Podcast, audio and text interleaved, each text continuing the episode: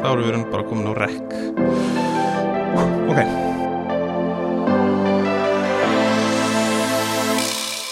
Komið sæl, kæru hlustundur og verið hærtana velkomin í Happy Hour með Væsmenn hlaðvarpið sem er í fljótandi formi.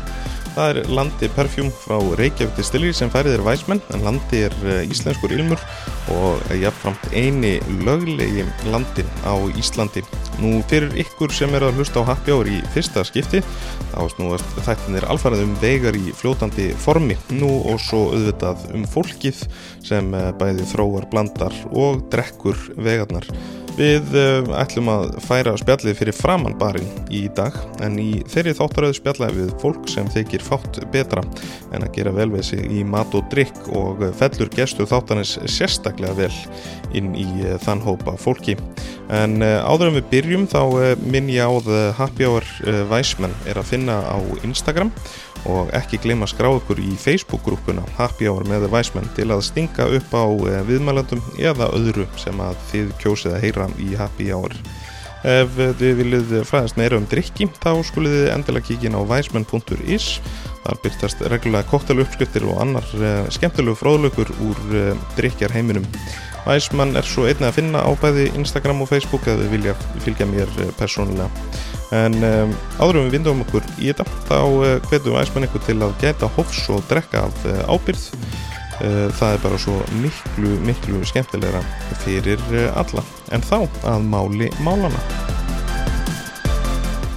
Fyrir framann barina þessu sinni er uh, kona sem kann svo sannlega að gera vel við sig í mat og drikk. Ég myndi heiklust þóra að segja að hún sé sælkeri sælkerana en það er hún rítstjóri besta sælkerablaðs landsins, gestgjafans. En eins og flestir vita þá byrtast uppskriftir, umfjallanir og ímis fróðlegur um mat og drikk í gestgjafanum en að auki má uh, lesa umfjallanir og uppskriftir á gestgjafin.is. Hvernig enda hún þar og hver er konan á bakvið selkjara? Það og meira til ætlum við að finna út í þessum þætti. Hanna Yngibjörg uh, Rittsjöri Geskjámas, verðstu hjertana velkomin í Happjör. Takk að fyrir.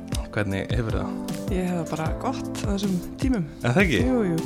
Við náttúrulega munum svona koma eitthvað inn á COVID óumflíjanlega mm -hmm. en ég er nefnilega með svona smá pælingum að við, við kannski fyrir meira í að sjá hvað er jákvægt við þessa tíma. Já, einmitt. Það er, það er alltaf eitthvað jákvægt í öllum erfileikum. Já. Já. Uh, þú sagði mér ná oftur ekkur, þú er aldrei farið í podcast átt. Ég er aldrei farið í podcast, en ég er farið nokksunum í útars. Já. Já það er mjög spennandi sko, og, og því líkur heiður að vera fyrsti sem að fara en náttúrulega hlusta ég mikið á podcast Já. þannig að ég er mjög hrifin af fjölbreyttum formum í fjölmiðlun og, og margmiðlun. Emitt, emitt Hérna, ég ætla að byrja þetta bara mjög einfaldur spurningu. Mm -hmm. um, Hvað er uppáhaldsmaturinn? Uh, ef ég myndi nú eiga einn uppáhaldsmat held ég væri ekki reitstjóra það held ég að sé nokkuð ljóst sko. Nei, ég á bara eftir tímabilum já. og eftir bara matargerðum já Það var kannski bara, smá írónía í þessu já, spurningu. Já, sko. einmitt, en hérna ég hef fengið þessa spurningu hans og ofta áður og svaraði henni einmitt kannski ásveipaðan hátt já. að hérna, það væri frekar tómlegt að hafa bara einn uppáhaldsmat sko. algjörlega sko.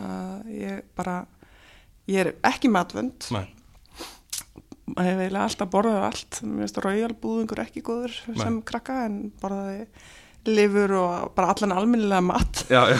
en hérna uh, ég tek svona tífambilin sem ég segi, ég er hérna reyfin á ítalskri matagerð ef hún er velgerð og já. það sama með uh, asíska matagerð mikil áhuga mannskjum dem sam sem ég reynda að býja ekki til sjálf en ég fer mikið á þannig matsöðustæði og það er bara saman með það það, það getur verið vond eða rítla gert og gott eða velgert þannig að ég myndi segja bara upp á þess matur það er velgerður matur Já, það er bara ógeðslega gott svar en hérna Uh, ef við förum aðeins í sko gestjáðan, þú ert rítstjóri gestjáðans mm -hmm. hvernig finnst þér sko fyrir að fyrst, gestjáðan kemur svona misfengisandi þegar ég var að gera heimavinnu mm -hmm. uh, því hann kemur alltaf út þannig sem einu sinni í ekki? Jú, gestjáðan kemur út einu sinni í mánuði en gestjáðan er alltaf 40 ára á næsta ári. Já, ok. Þannig að það er, hafa orðið ymsar breytingar í gegnum tíðina í þessum bransa eðlilega. Já. og í upphafi þá held ég að veri fjögur eða sex hérna tölbluð ári. Já. og svo voruðu 12 í þá nokkuð mörg ár, svo fóruðu upp í 17, svo fóruðu upp í 15 og svo upp í 12 þannig að hérna og við höfum haldið okkur við það síðustu fjögur ár að, að hafa 12 og það er bara svona í takt við erlend matartímaritt. Já, já, Já, nokkulega hérna og það er ennþá verður vonandi þannig sko. Mm Það náttúrulega gefur líka bara svona, þú veist, þá hafið þið nógan tíma til þess að láta þetta lúka og, og, og velja efnið vel og, og þess þar. Já, sko, við erum náttúrulega eina matartímaritið það, það, sem er svona sérhæft á Íslandi. Já, já, og ef það ætlar að gera almennilegt matartímarit sem að svona er að halda eitthvað í við erlendu flottu tímaritin Já. og sem við vissulega reynum að gera, Já. þá þarftu náttúrulega aðeins að spá í hvað þú ert að gera. já, Þetta er svona nörda tímarit en sem þarf samt að höfða til allra á Íslanda því við erum svo fá. já, já, algjörlega. Þannig að hérna, við, svona, stundum finnst mér, mér takast vel að, að hérna, sigla hann á milli en auðvitað eru sum tímarit sem að kannski höfða meira til almennings og önnu sem höfða meira til svona nörda eða, eða kokka sko. Já, já. Uh, hérna, aðeins um sko, svona tímarit versus sko netið, hvernig hérna, þú veist, fyrir mér, svo ég segi persónulega frá, frá minni skoðun og geskjáðunum, þá er þetta svona, þetta er eitt af þeim tímabunutum sem að má alls ekki alfari fara út í bara net, sko, mm. af því þetta er svona nostustímarit sem að þú svona grýpur í og skoðar og, eigður svona, já, svona nostraðans við þetta Já, sko, tímarit. Ég ætla nú bara að vona að bæði lifi. Þetta er svona svipa eins og það hefði kannski verið hleið okkur þegar Vaffa spóluna voru að koma, það var allt komið á vídeo. Já, Þá heldur nú menna að útvarpið myndi nú bara degja út já, og, og, og svo núna er eitt vinsalasta form hérna, margmiðlunar er að vera podcast. Þannig að, þú veist, ég held bara að eitt með ekki, þú veist, við þurfum bara þennan fjölbreytileika. og fyrir mér er þetta bara allt annað ég meni ég skoða mjög mikið á netinu en ég kaupi líka tölversta tímaritum mhm, af því að þú fær eitthvað pakka þar og ég veit að það er eitthvað hópur á baku hvert tímarit. Það er ekki eitthvað, einn einstaklingur með engan rittstjóra eða samtal við eitthvað annan. Já, já, þannig að það, er verið ákveðin gæði og það er layout og það eru myndir og já, þetta er svona eitthvað pakki og það er ekkert annað áreiti heldur á meðan þú ert að skoða tímaritt nei, á meðan þegar þú ert í símanum með tölvinni þá er náttúrulega alls konar annað aðri glukkar opnir og þannig að það verður svona öðru vísi en bæði á bara fullkomlega rétt á sér. Já, já, já. algjörlega sammála því. Uh, ef við förum aðeins í svona, svona hver þú ert og, og, og hvernig þú endar allt einu sem rítstjóri uh, þú ert náttúrulega auðlustlega selgeri selgerana Já, svona eina af mörgum á Íslandi. Íslandingar eru nefnilega ansi mikið matar fólk sko. Já, já. ég er svolítið ána með það. Já. Og hérna, hvernig sko hvernig fórstu að hafa áhuga á mat og drikk í raun og veru? Það er nú bara 50 og eitthvað ára gömul saga sko. Um, ég bara var alltaf ásvöldlega mikil salkeri og allir sem pössuði með tölu alltaf um að það hefur verið einstaklega gaman að gefa mér borða. Já, já, ok. Og svona til, alls konar sögur um þegar ég var að borða hitt og þetta það fór alltaf önnur löppin á stað. En mér fannst það gott sko. Snýð er alltaf svona önnur löppin ef, að- að mér líkaði bara þegar ég var smákrakki sko. Já, ok. Og já, ég bara hafði alltaf mikinn áhuga með mömmu, mamma er húsmaður að og þú veist, tók slátur og gerði kæfur og, og svo var hún líka að pröfa alls konar kýmveskan mat og, og hérna, já, svona svolítið framsækin í mat að gera á þeim tíma. Já, og ég hafði áhuga á því að aðstofa hana og, og svo kannski já, ég var fljóta að halda svona þegar þau, þau ferðiðust mikið þannig ég var svona einn heima og þá átti ég til að, að halda stóra veislur fyrir vinkonunnar prófa eitthvað kjúklingarétti og eitthvað sem að var kannski pínlítið líka framandi svona fyrir 16 ára stelpu sko. Já, þú byrjaði bara þessu bara svona, svona stemma í raun og veru. Já, ég var frekar svona dugleg í eldhúsinu, Já, já, mér fannst þetta alltaf áhugavert. Og ég var mjög mikið af svona matarminningar momentum, Já. sitjandi ykkur starf með sítrónu að prófa eitthvað sigurmóla með ykkur bræði ofan og gá hvað gerðist og svona smá svona ratatouille moment. Já, svona ok. fyrir það sem hafa vart á þá mynd, já, já, alltaf geggjumynd sko. Já, einmitt, ég er saman því og hérna, já, svo lág leið minn til hérna Fraklands ég hérna var sem sagt óper og, og, og lærði í Fraklandi ég fór svolítið oft til Fraklands fór fyrst í fransku skóla og svo fór ég sem óper og svo flutti ég til Parísjar þannig að ég svona kannski kynnist uh, svona kannski fingerðari hlið á mat þar og svona já kannski svona aðeins dýbra og fjölbreyttara það er alltaf óumflíjanlegt að verða ekki svona matarperri þegar þú ert í Fraklandi Já, eiginlega, ég reyndar byrjaði mjög illa þegar ég kom fyrst. Fór til La Rochelle sem er á vestuströnd Fraklands og fólki sem tók þar á mót mér og þá talaði ég mjög litla fransku, ég búið með þrjá áfanga í, í hérna í mentaskóla Já. og hérna var svona að nota svolítið látbræð en fyrsta máltíðin var frábær eða þannig. Já það voru ostrus, ég hafði aldrei séð ostrus á þessum tíma ég, ég er hvað 19 Já, okay. ég bara vissi ekkert hvað það var sko. og ég er náttúrulega mjög kurtið og er alveg uppið að klára diskum mínum mm -hmm. þannig að ég þurfti bara að kingja þessum slíma og sjóa mér fannst þá, þó mér finnst það rosalega góðar í dag hérna, þannig að það var, það var erfið byrjun sko. en hérna en svo bara komu ástafnir og, og, og hérna sætmetið og góður höfinni og, og hérna, þá svona smá saman fór maður að sjá hvað var ofsalega mikið svona mikil fjölbreytilegi í Fraklandi Já, já, algjörlega. Uh, en hérna sko var hann til drikkina hvernig hérna þú veist, varstu þú snemma vínmanniski eða svona, svona selgir í drikkjum líka? Já, sko ég byrjaði nú kannski ég prófaði nú eitthvað aðeins að drekka sem úlingur svona bara eins og allir gera. Já, já en ég mjög, hafði mjög fljótt áhuga á rauðvinni, mamma og pappi drukkur rauðvin Já. og mér fannst þetta eitthvað spennand og ég fekk að smakka rauðvin hjá þeim þegar ég var 16 ára. Svolítið ungt, ég veit það.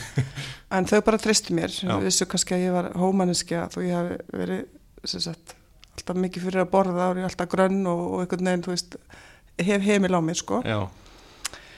og uh, ég smakkaði osta á rauðvin og það bara gerðist eitthvað, mér fannst þetta algjört æði sko. Já Það var nú ekki mikið úr, úrval af rauðvinni svo sem, en jú, þá byrjaði ég svona aðeins að drekka rauðvinni bara með mat eða ostum sko. Mm -hmm. Svo fór ég sem óper til Fraklands 20 og þá var ég svo heppin, ég fór til hérna lítils bæja sem heit, heitir Valett og er e, rétt hjá Nátt vest, í e, í vestu Fraklandi Já. og lendi hjá, ég var með fjögur lítur börn að passa og ég var hjá konu sem var hérna lagfræðingur og maðurinn var apotekari og unolog. Og unolog er meiri mentun heldur en sommeli þannig að hann er sérsagt bara með mentari mönnum í, í hérna svona vínsmökkun okay. vínfræðingur. Já, já. Og hann bara býður mér alltaf på rauðvinn og, og hérna, sér strax að ég hef áhugað þess að mér veist þetta gaman og, og, og hann sá líka að ég var svolítið nösk að finna hvað var hvað, hvað hérna bræð var og já, já. svona var svolítið góð að greina og þá bara fór við svo mikið að ræða rauðvinn já. og hann langaði að kenna mér að því og hann var alltaf að hvetja mig til að fara og læra vinsmökkun í Fraklandi okay. og hérna, já, þannig að í raun og veru þar byrja ég svona að diffka eins svona þekkinguna Já, ég get alveg ímyndum hana fyrir svona mann að finna einhvern sem að þú veist, sínir að þessi góður í að finna lykt og, mm -hmm. og mhm. finna bræð og greina og svona, þetta er auðvitað svolítið skemmtilegt sko, því að það er ekkert þú veist, það, þetta er svo ekki mainstream einhvern veginn að vera að spá í þessum hlutum sko Nei, algjörlega og, og hérna og hann var líka bara mjög þólinnmáður og, og svona, já, kendi mér óslega góða hluti og opnaði fyrir mér ofsalega góðar flöskur. Já, ok, ekki nú Það var með svona kaf, eða svona vinkjallara Já, ok. Þú veist svona gamlan bara eins og hérna og þar var mikið af, af hérna flöskum og í dag sem sagt, svo fór hann í sem sagt að, að bændunir í héræðinu, þetta var sem sagt uh, í muskati héræðinu, það sem að muskati kvítin er hérna í Luardalnum Já. Og þeir koma til hans að því hann er sérst bæði apotekari og unnulokk og þetta er mikil efnafræði og láta hann hjálpa sér hvað á ég að gera til þess að gera uh, þessa uppskeru betri, hvernig á ég að hérna, bara já, gera wow. vinni betra. Og hann okay. smá saman það fór stopnaði fyrirtæki og sérst, bara sérhæðis í þessu að, að hérna, alls konar efnum samt ekki vondum efnum nei, nei, nei, til þess að setja og gera drikki betri. Og hann var einmitt að, að framlega svona krem og alls konar alls konar gott stöf sko.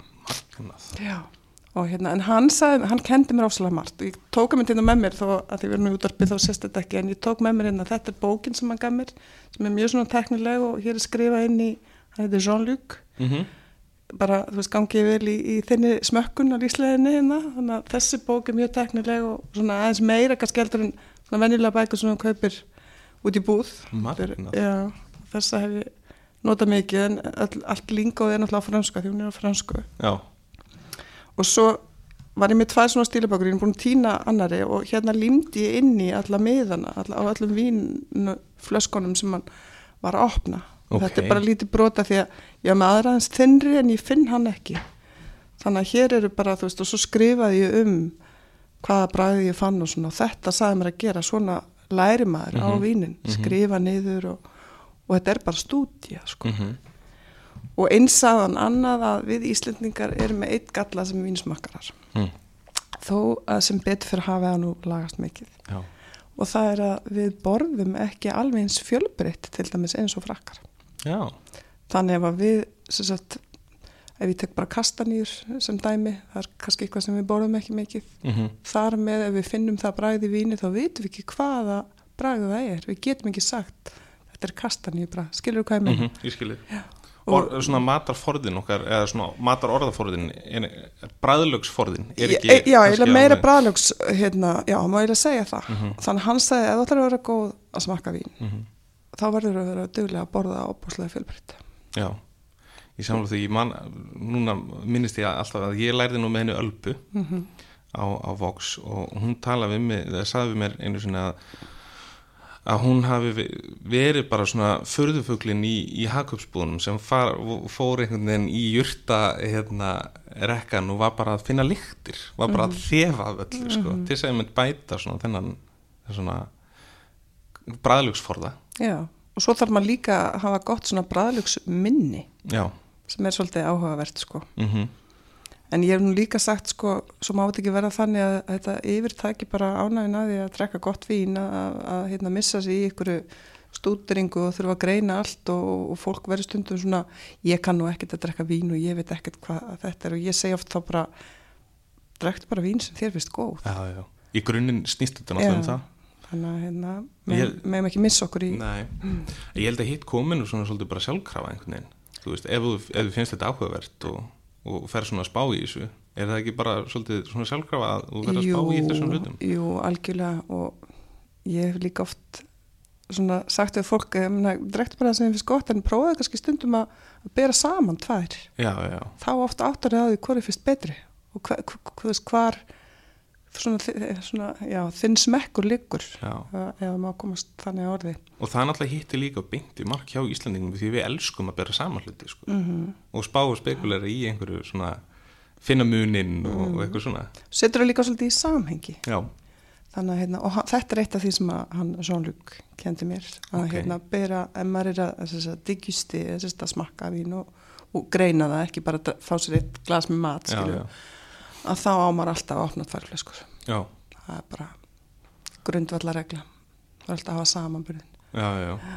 Sko, við náttúrulega, þú veist, léttvins menningin á Íslandi er náttúrulega risa stór orðin. mm uh, en svona og hefur náttúrulega gest í raun á mjög stuttum tíma þannig séð sko.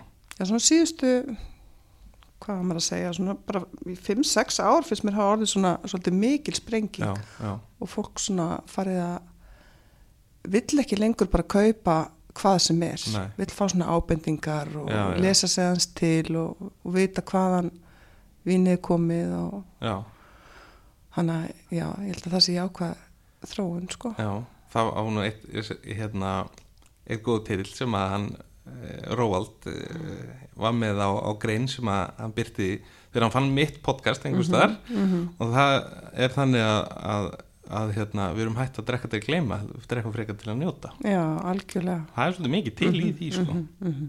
af því mér finnst svona fólk er meira að fara að spá í, í svona gæði og, og hérna og sjá bara hvaða í raun fær miklu betri vörur ef að ef þau spá aðeins í þessu sko. Mhm, Algjörlega samanlegar og eins og segi, ég oft gert grínu að því ég er vín áhuga manneski bæði koktela og, og, og léttvín og kampavín og já, líkjörar og bara, þú veist, bara safna víni sko, já, en ég get átt það í mörg ár sko, já, þú veist, ég er ekki að fá mér vín reglulega sko, nei, nei, nei. En, en þegar ég fæ mér vín þá langar maður alltaf að sé eitthvað skemmtilegt og eitthvað Já. áhugavert og, og svona, þú veist, kannski um helgi að gera einn góðan kokteil og já, þannig að ég gerir það samt ekki um hverja helgi sko, en, en hérna, já, þannig að ég tek svona, já, gæði umfram magn, Já, í þessu. Ég sammála því. Og síðasti kóttel sem hún gerir, það var nú svona rósmærin uh, Já, byrju hvaða kóttel er það? Það var kóttel með ró, rósmærin og, og gini Já, einmitt. Það ekki? Jú, jú, það gerir svona, hérna, rósmarín svona sigursýrup Þannig að það bara gaman að Heima- gera heimavinnan, sko. Hún er best.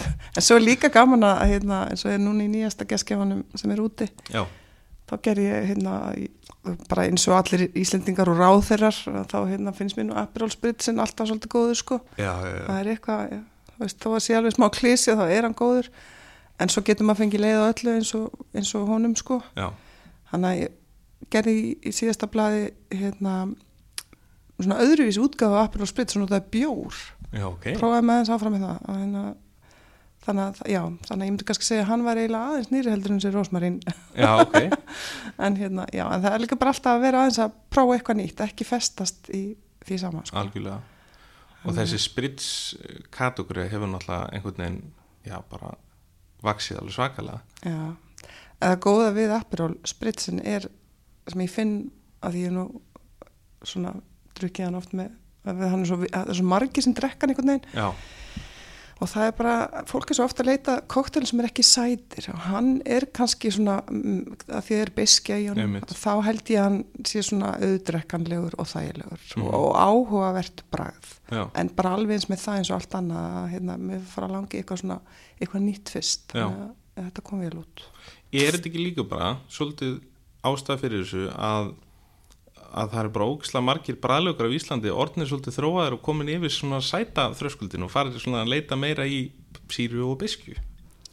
Jú, ég held að, að hérna, sem betur fyrir þá finnst mér við hafa þróast aðeins meira í svona evrópsku ættina hvað það varðar. Því að Já, já. ef þú, eins og ég veit að þú hefur gert þú ferðast um bandaríkin og, og þó sem margt alveg frábært í bandaríkjanum og, og hérna, mikið góð mat Já, að þá ætlum við að þú fyrir bakari í bandaríkjanum það er bara, finnst mér, nefnum farir eitthvað svona alveg sérstætt bakari já, þá er það svo ofbáslega sætt já. það sem er, það svo, fer svo yfir ykkur mörg sko og það er þó að þetta sé að breytast þar líka þá hérna á tímabili fannst mér bara allt í ógurt og allt hérna vera dísætt já, sko já.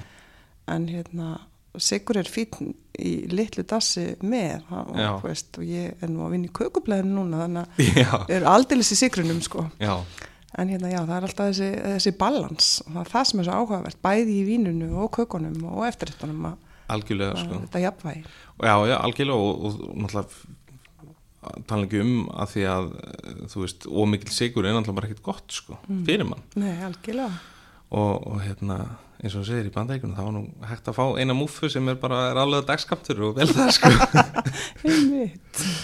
En hérna, mér langar svona aðeins að fara kannski uh, við, já, við svona gleymum okkur, það er gott. Já, en þú spurði mig eiginlega, sko að svo mörgu hann í byrjun hvernig ég endaði í geskjáðan Já, einmitt, för, ef Ef aðeins í ef það. að fara í það Svo ég sé nú fann að stýra hérna. Já, Frekir eittstjóri það er allt í góð um, Sko í, í, í, Hvaða ár var það? Ég, sést, ég á tvær þættur og önnur þeirra er uh, greinist með síkusíki þegar hún er átt ára. Ok, og uh, sem var ákveða áfall og, og þá þurfti ég að leggjast yfir næringafræði og gerði það, ég er svona tek allt svolítið með áhlaupi og ég bara gerði ekkit annað en að lesa um sigursíki og, og, og sigur og, og næringu og, og þetta var svolítið sjokk sérstaklega því við mm, ég, sem sagt, ég er náttúrulega mikil matamanniski að maður minn er það líka, hann eldar mikið og mikil sælgeri já, hann er tónlistamæður og þeir eru oft mjög góður og litakir í eldursunni og, og finnst gaman að hérna,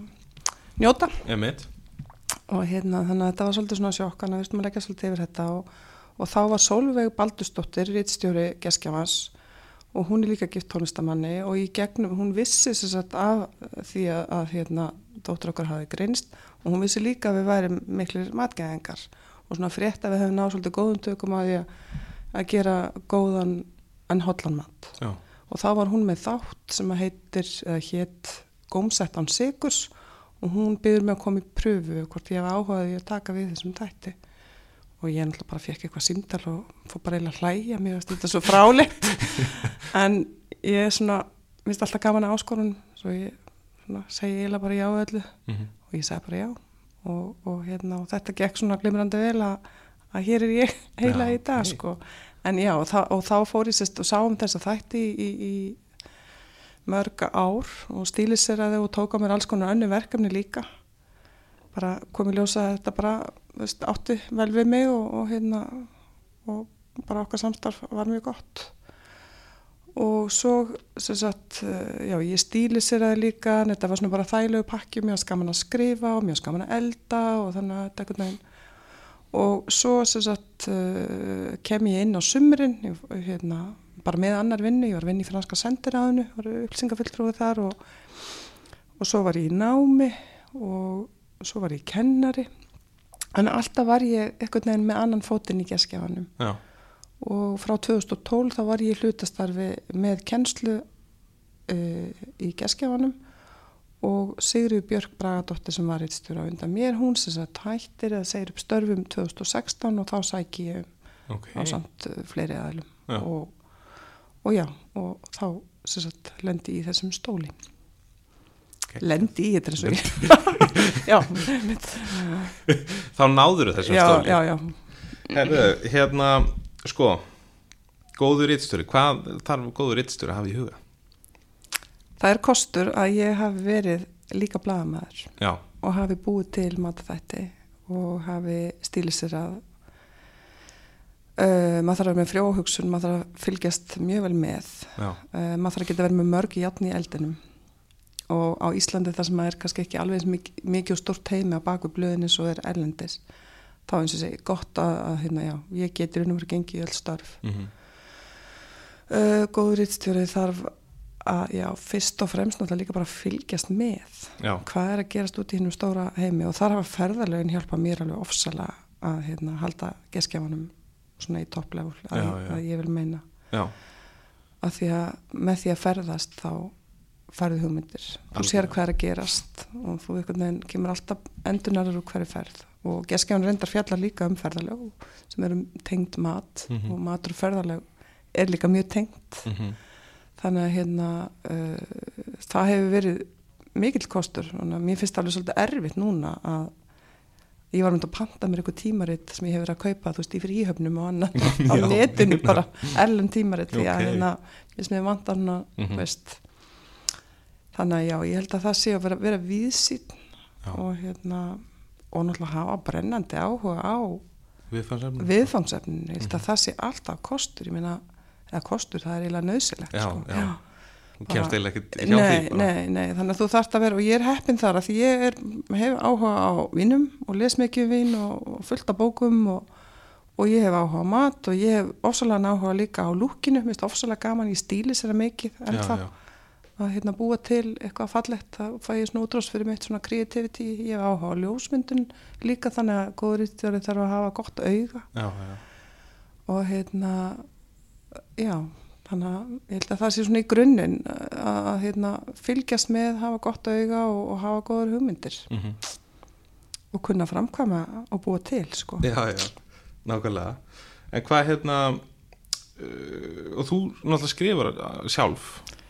ég skrifa og, og hérna, stílsera og, og stýri og, og stundum ger ég matta þetta, ég ger minna aðeins núna, ég er nefnilega líka að rittstýra öðru blaði þannig að ég er svona aðeins dreimi út úr Já, því sko. já, ég er rittstýra líka húsum og hýpilum þannig að ég er alveg með nóg á minni konnu sko. Já, en já, ég bara gengi í allt en, en það sem að kannski margir sjá ekki við svona tímaritt er fundur með rittstjórn uh, hugmynd að vinna hvaða efna á að vera í næsta blaði, hvað erum við búin að gera áður? Mhm.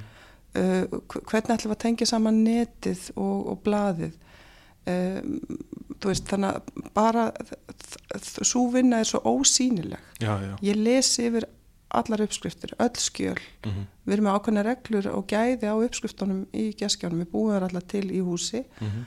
og, og hérna er hún Folda hérna, sem um, er maturslumadur og hún gerir lang flesta matarþættina og, og þróar uppskriftinnar þegar það búið að elda þá myndum við með stílista sem er oftast ég og svo smökkum við og hér- þú veist, þannig að þetta Mhm. er alveg búið til frá grunni, þetta er svona ekta bara góðar íslenskar þú veist, ítalskar þá erum við að búa til Já, já, þú veist, og smökkum Þetta er og ekkert bönn. steitsað, þetta er neitt, þetta er bara... Þetta er ekki copy-paste af netinu, við Nei. bara orðað það þannig og allar uppskriftinnar sem að fara í blaðið sem Mhm. að við gerum hér í húsi eru eldaðar og þróaðar hér og ég held að við séum einu sem erum að gera það í, í svona miklu mæli og svona oft þannig Mhm. að við erum og við erum mjög flott teimi, við erum með hérna, frábæra ljósmyndara með okkur og, og hérna þannig að og sem sagt uppskriftinnar fer, fer ég svo yfir Mhm. og það er allmis fyrsta ráefni sem er nefnt, það er alltaf fyrsta ráefni sem kemur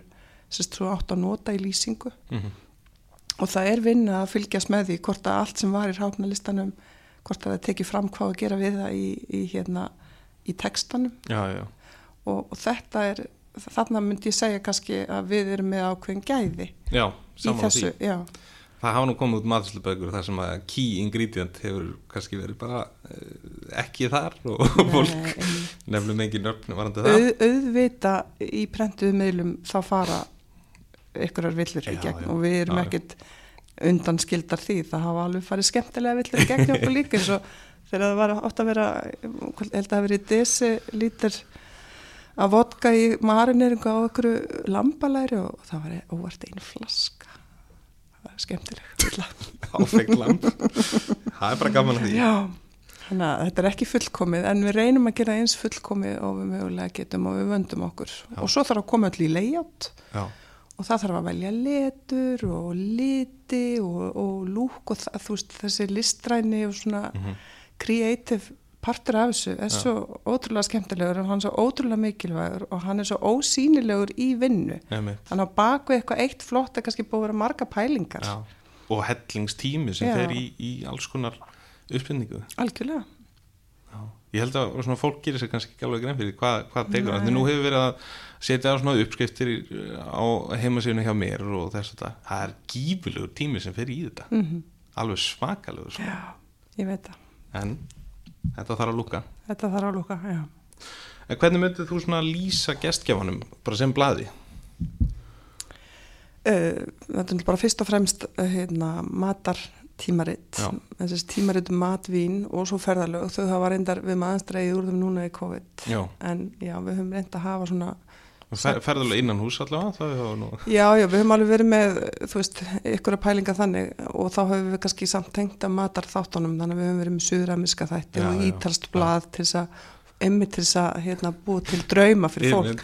Ítalía heim í stofu, ég meina, Mhm. það má alveg vinna með það. Maður með góðri sér. tónlist og svona hana. en hérna, já sem sagt, þetta eru bara vandar góðar uppskriftir pröfaðar Já. því það er mikið hérna á internetinu sem að er hérna frábært Já, já. en líka það er svo erfitt orðið að velja úr. Já, og googlar hérna sítrónukjúklingur og þú fær 200.000 uppskriftir. Hvernig ætlar að velja? Nei, það er bara láttu geskjafum bara velja fyrir og gera þetta og prófa þetta. Og það er þá alltaf að búa að elda þetta og, og, og fara yfir sko. Þannig að þetta er prófaðar uppskriftir en ég held að það sé svona og ég hef reynda alla tíð í alls konar breytingum og, og, er, og svona bara erfileikum eins og er á öllum fjölmjölum og svona alltaf að halda gæðunum ég bara Já. gæði, gæði, gæði það er bara það sem við erum að reyna að standa fyrir og, og ég held ég hætti bara ef ég get ekki staðið það Já, ég held að, að það sé bara að takast nokkuð vel hjá okkur. Já, þakka fyrir Hérna, sko, já, COVID, já. Þetta er náttúrulega frekar leðilegt ástand. Það er Já. ótt að segja það. Það er óvægt að segja það. En ef við svona, uh, þú veist, þetta eru skrýtnir tímar og, og svona og, og við erum á hérna, náttúrulega núna á leiðin inn í haustið sem við veitum ekkert hvernig verður, það verður bara komið ljós. En ef við svona áður við förum aðeins að tala um haustið og svona hvað er framöndan, hvernig var, hvernig var sömari hjá þér persónulega? Ég bara... Þú ferðast innanlands og... Mm, Já, ég fór alveg aðeins. Uh, ég fór eina viku uh, setta, á vestfyrði. Eh, já, núna bara alveg í loka ágúst. Í æðisluðu veðri. Það var indislegt. Og svo fór ég síðasta mæ, bara alveg í lokin, en það var eiginlega engin. Ég sést það æðislegt. En það var náttúrulega svolítið grátt og svona... Já, Það fór í hringinu kringu landið en, en hérna, já, það var svolítið hótelum og matsumstöðum og svona sem voru ekki búin að opna. mm, Þannig að ég var kannski viku of snemma en, en Ísland er æðislegt Já. og hérna og maður nærist einhvern veginn alveg bara komast upp í sveit og leggjast út í móa og hlusta á lóuna sko, það er bara æði. Mm og hérna þannig að ég held að þetta sé sko að ég ákvaði í þessu er ég held að sé mjög margir íslendingar sem hafi uppgötta landið sitt svolítið upp á nýtt. Já, ég held að það sé ekki nokkuð hvort sem það er náttúrun eða matur eða drikkur eða, eða afþreying. Og hérna og við getum þakka ferðamennunum fyrir alla þessa uppbyggingu sem er búin Já, að eiga sér stað. Já, öll þessi flottu hótel og ég er mikill hótelnörd elska góð hótel. Já, og er alveg til ég að hérna, bara leggja mikið ámillis að hérna, komast á okkur svona skemmtileg hótel Mhm. erlendis. En það er bara líka komið fullt aðeins minna heima. Mhm, og hérna þannig að og, og fá þetta tækifæri að vera bara líka við, þú veist, ég, ég fór á Goðafoss og ég var bara ein.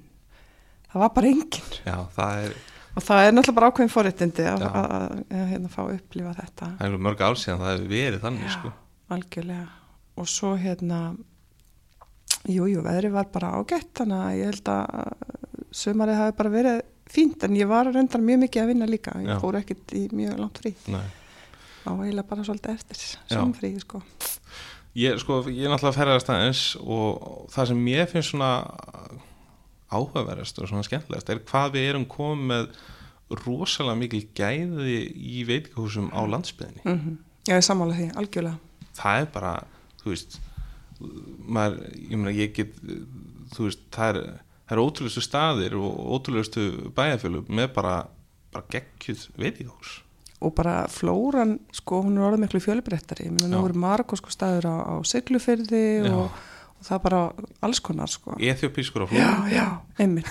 Hann er búin að vera lengi, svo Já, við höfum já. einmitt fjallað um hann. Já, einmitt heimsóttum hann. Ég var það En að fara ég- þangað. Já, en ég minna þetta er náttúrulega bara ásala skemmtilegt. Og svo finnst mér líka rosalega gaman að, að það eru fleiri og fleiri staðir út á landi sem eru að horfa í nærum hverfið Já, og, og hérna það er hefur verið svolítið á, á svona flottum veitingastöðum í Reykjavík að maður hefur verið að taka viðtöl við svona eitthvað stjórnukokk Já, og svona það er alltaf að tala um, þú veist, lokal og, og mhm, En mér finnst það vera bara færast meira út á land líka og bara ekkit endilega, þú veist, bara á kaffihúsin og fólk vill eitthvað heima, gert það vill eitthvað svona einstakt, algjörlega, sko. þú veist, er, er kakan bakið því kökun að spyrja alltaf, Já, er þetta kift frósið, ég vil fá eitthvað sem að þið bakið inn í sveitinni, Já, helst úr rappa bara úr héraði eða skilur Já, sem er stólinn. Já,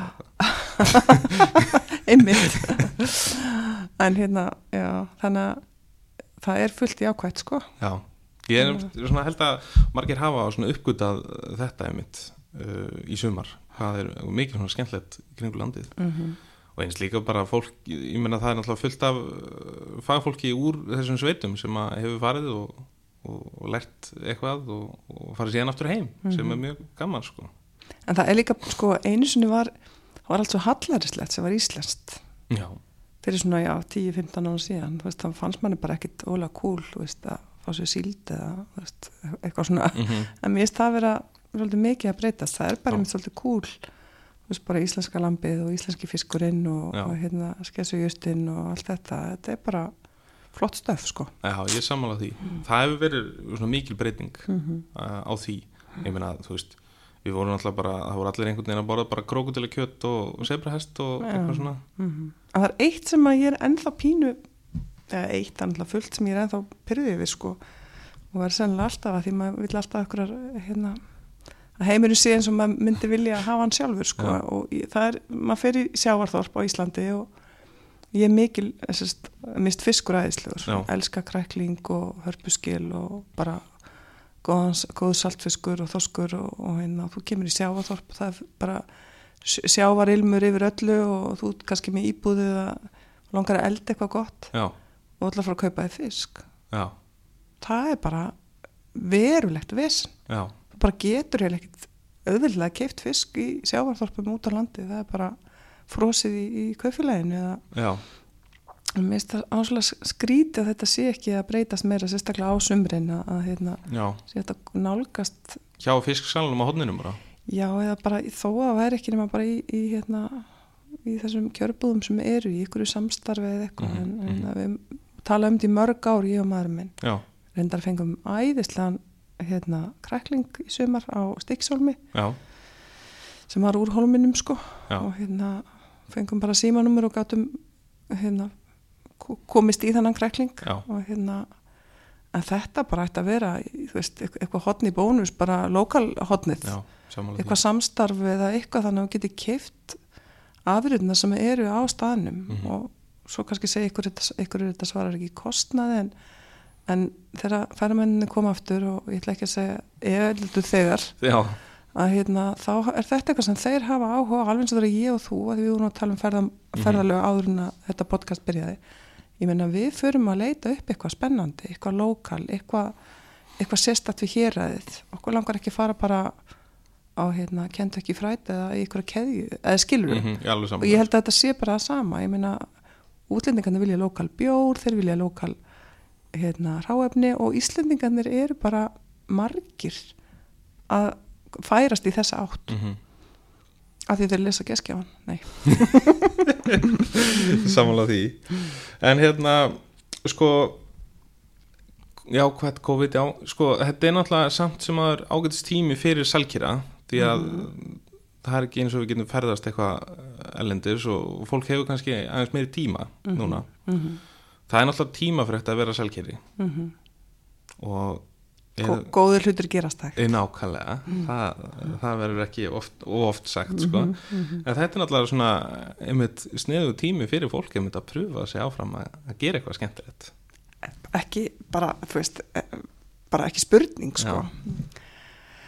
leggja í, þú veist, kryllegi og marineringar og, og hérna bækla og bara gera síróp og sultur og, og þetta er og þetta er líka, það er samt ákveðin kvíld í Mhm. því að vera í eldhúsinu. Já, það er eitthvað svona og ég held að fólk eigi að líta á það meira þannig heldur en sem hvöð þegar kemur heim þreytt eftir vinnudag því við fáum mjög oft spurningar. Hvað og og við þá segi ég og, og, og hérna, við sem erum að búa til geskjáan áttu ekki ykkur að ofsalega fljótlega, góða, hotla einfalda, ódýra uppskrift? Já, jú, jú, eh, það eru tvö ráefni skilur þú, þú, þú þarf kannski eitthvað þú, þú getur ekki það eru til svona uppskriftir en þú kannski uh, þarft svona aðeins að hérna, gefa þið tíma eins og segir mm og þá er mjög gott að líta á eh, tíman í eldursun eftir vinnu sem svona einhverja hérna, eh, svona afslöpun Já. hlusta á gott podcast Já. með út að elda og saksa laukinn og skera og, og ilmurinn einhvern veginn veist, liðast um -hmm. og, og hérna, já, ég held að það sé eh, eitthvað sem fólk þurfi bara pínlítið að það, þarf að fara að gefa sér tíma í að elda. Já, það er ekki hægt að hafa alltaf allt, plug and play. Já. Mm -hmm. hérna, en, en við, þetta, ég skil þetta samt alveg líka sjálf því ég er mjög upptekinn kona og ég lendi oft í þessari stöðu bara. Veist, ég er bara mér langar ekki vegi, þú veist, ég er að koma heim klokkan 7, halva 8, já, oft sérstaklega núna þegar við erum í þessum stóru blöðum. Mm og þá bara, hvað get ég eldað á, á korteri, sko? Já, pasta verður oft fyrir valinu. Já nákvæmlega. En hérna, en já, ég held að það að finna þetta svona þessa ró mm og þessa svona heilun sem að er í því að, að elda. Já, að nostra bara, ég mér Já. fyrir til dæmis bara í þessu fáránlega hljómar þá er eitt svona besta sem ég geri veist, það er ekkert endilega skemmtilegasta sem ég geri en eitt svona besta sem ég geri fyrir mig sem ég fæ miklu nautnam, það er að skera gremmiti já, ok. Það er mjög steikt. En mér finnst svona eitthvað bara við það bara og ég, þú veist, það getur verið bara eitthvað ein, einfalt sem við erum að gera heima skilur en, en ég alveg svona legg alveg þú veist, mér langar að hafa þetta vel skorið og ég, þetta er býna nördalegt en, en þetta er svona, ég fæ einhverja nöytn úr því að skera gremmiti bara og eða smá tíma það mér finnst það frábært. Ég er ekki stórfyrðulegur nei, mér finnst það aðeinslegt en en ég held, ég er að tala um sko og, og það er sko að breyta hjá sjálfum sér pínlítið viðþorfin, mér finnst allt og margir og þá er ég kannski ekki að tala um svona forfallna salkera eins og við, þó ég lendi vissulega í þessari stöðu mm -hmm. að hérna að líta á sko það að fara heim og elda sem ykkur tilhökkuna því þú ert búin að þú ert búin að finna ykkur geggjað rétt í geskjafanum eða, eða í matuslubókinniðin eða, eða á netinu eða, Já, já. eða hjá vinkonuðin eða eitthvað sko. Og þú ert búin að ákveða að gera þetta og þeir hlakka til að sjá útkomuna. Mhm. og fara bara og fá frið. Auðvitað ég er ekki með lítil börn auðvitað er þetta ekki alveg svona einfalt Mhm. hjá öllum. En að breyta viðþorfinu eins og bara í Fraklanda því ég er búin að vera mikið þar. Og þetta er bara svo mikið þetta er svo, þetta er svo heilagt kvöldmaturinn Já. og máltíðnar það er svo mikið partur af menningunni Mhm. og að setjast niður og borða það saman og, og eins og segi, ég gef tónlistamanni við náum þess ekki alltaf en ég sakna þess og, og, og ef við höfum ekki gert þetta í svolítið tíma því við höfum verið að vinna og svo Mhm. fáum við börnin okkar í, í mat þá er oft talað um bara hvað er gaman að setja á og borða saman Það er bara máltíðin sem Málti, slík máltíðin sem slík er, það er ekki bara það sem borðar, heldur líka umræðarnar og, Mhm. Og þá er einmitt svo gaman að vera búin að finna ykkur uppskriftu og segja já ég var að prófa hérna nýtt og, Mhm. og þú veist, uh, vilt þú prófa þetta næst myndum við gera þetta, þannig að koma alltaf ykkur svona umræður Já, um, já. já þetta er ekki gott að mista áfærin ekki alveg og þetta er oft umræðarna hjá okkur sko. veit, já, og hérna, já, já, já.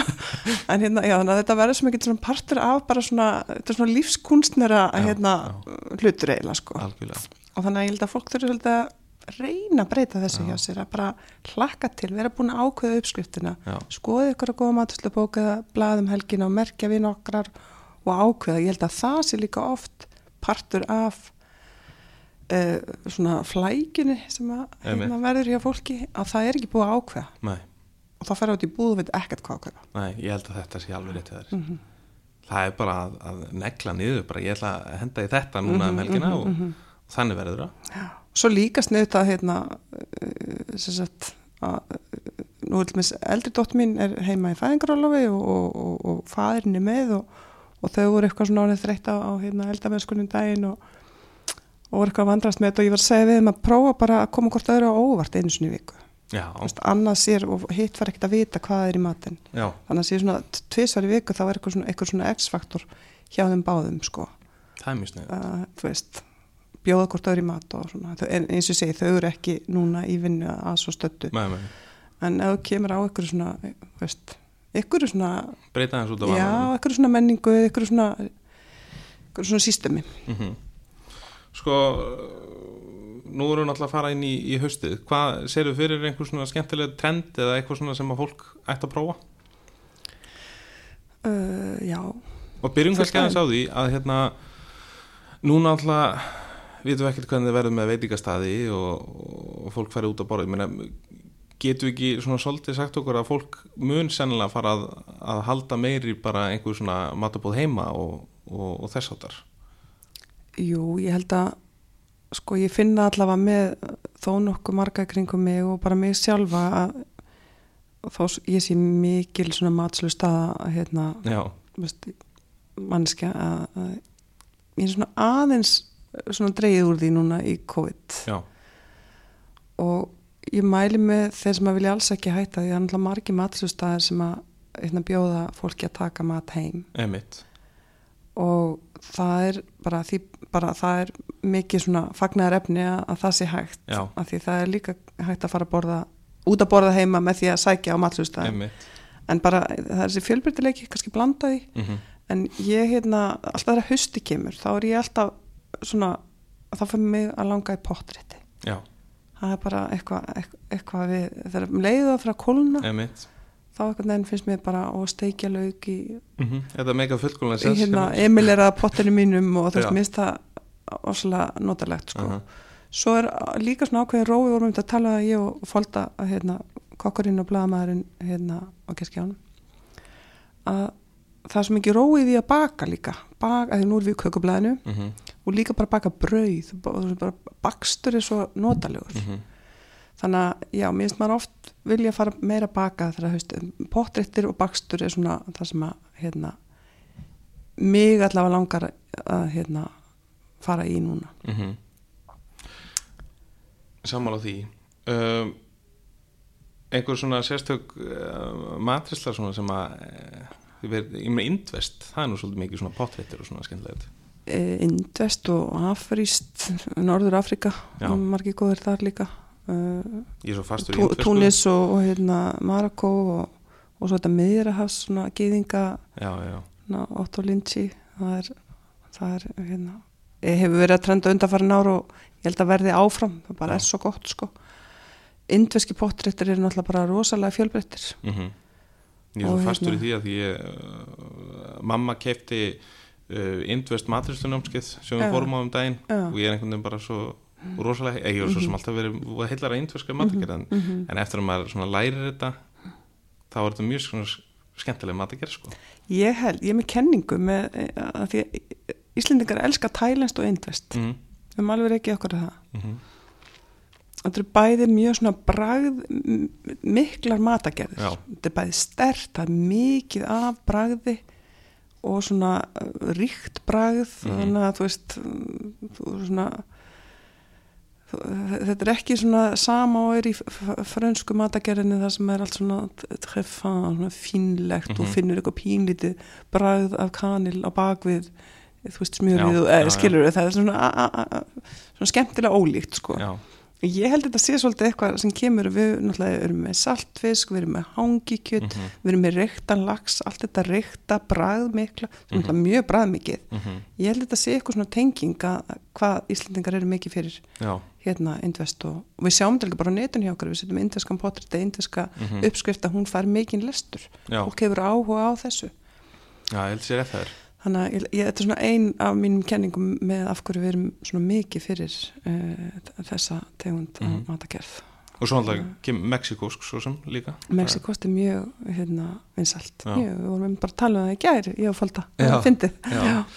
Mhm. Íslendingar elska, þú veist eh, burritos og hérna, enchiliadas og allt þetta, hérna, tacos og Já, chili og, og hérna, og mér finnst þetta líka að vera pínlítið í koktelunum, veistu það ekki? jú, ég samla því Mm. Það algjörlega sko, ég meina þú sér það til dæmis uh, já, þetta er náttúrulega uh, snýst kannski, þetta podcast er alltaf um drikki, Mhm. kannski fyrir við aðeins að spjalla um það, mhm. uh, talandi um einmitt þetta sem þú segir, ég meina Basil Gimlet er nú kannski bara stærsta dæmi um það. Mhm, mhm, þar er náttúrulega eitt er þess að stort bragð mjög ágerandi, mhm, mhm. kannski skrítið að, að þessi drikkur hafi náð uh, svona miklu vinsaldum sko. Nei, einmitt, og eins með Aperol-sprit sem við já, tala já, um áðan, hann er já. alltaf líka mjög bræðmikill og, og hérna svona, já, pínbiskur. En hérna gemletin er líka, hann er ekkit mjög sætur. Nei, nei, nei, þá eru við náttúrulega í þessari svona sáir kategóri sem að Mhm, hittir einhvern veginn mhm. rosalega vel í mark hjá öllum uh, hérna heima, mm þú veist, viski sáir búið að koma rosalega stert inn einhvern veginn. -hmm. og í raun, þú veist, getur búið til sáir með hvaða undurstöður ráfni sem er, sko, mm -hmm. þú veist, það getur verið í raun, já, þú veist ég meina pisko sáir sem dæmi, Mhm. er náttúrulega einn þekktasti kóttil í heimi en hefur samt aldrei náð einhverju fótfestu hérna heima, Nei, ég samanlega því. Mm -hmm. sko, uh, sem er mjög hvað, hérna, náttúrulega ég að spyrja því náttúrulega ég að setja mig í Já, ekkert nátt spór spilsins uh, Hvað, hérna, ég var að hugsa árin, árin við settum minna niður, sko, hvað sko fyrir 20 árum.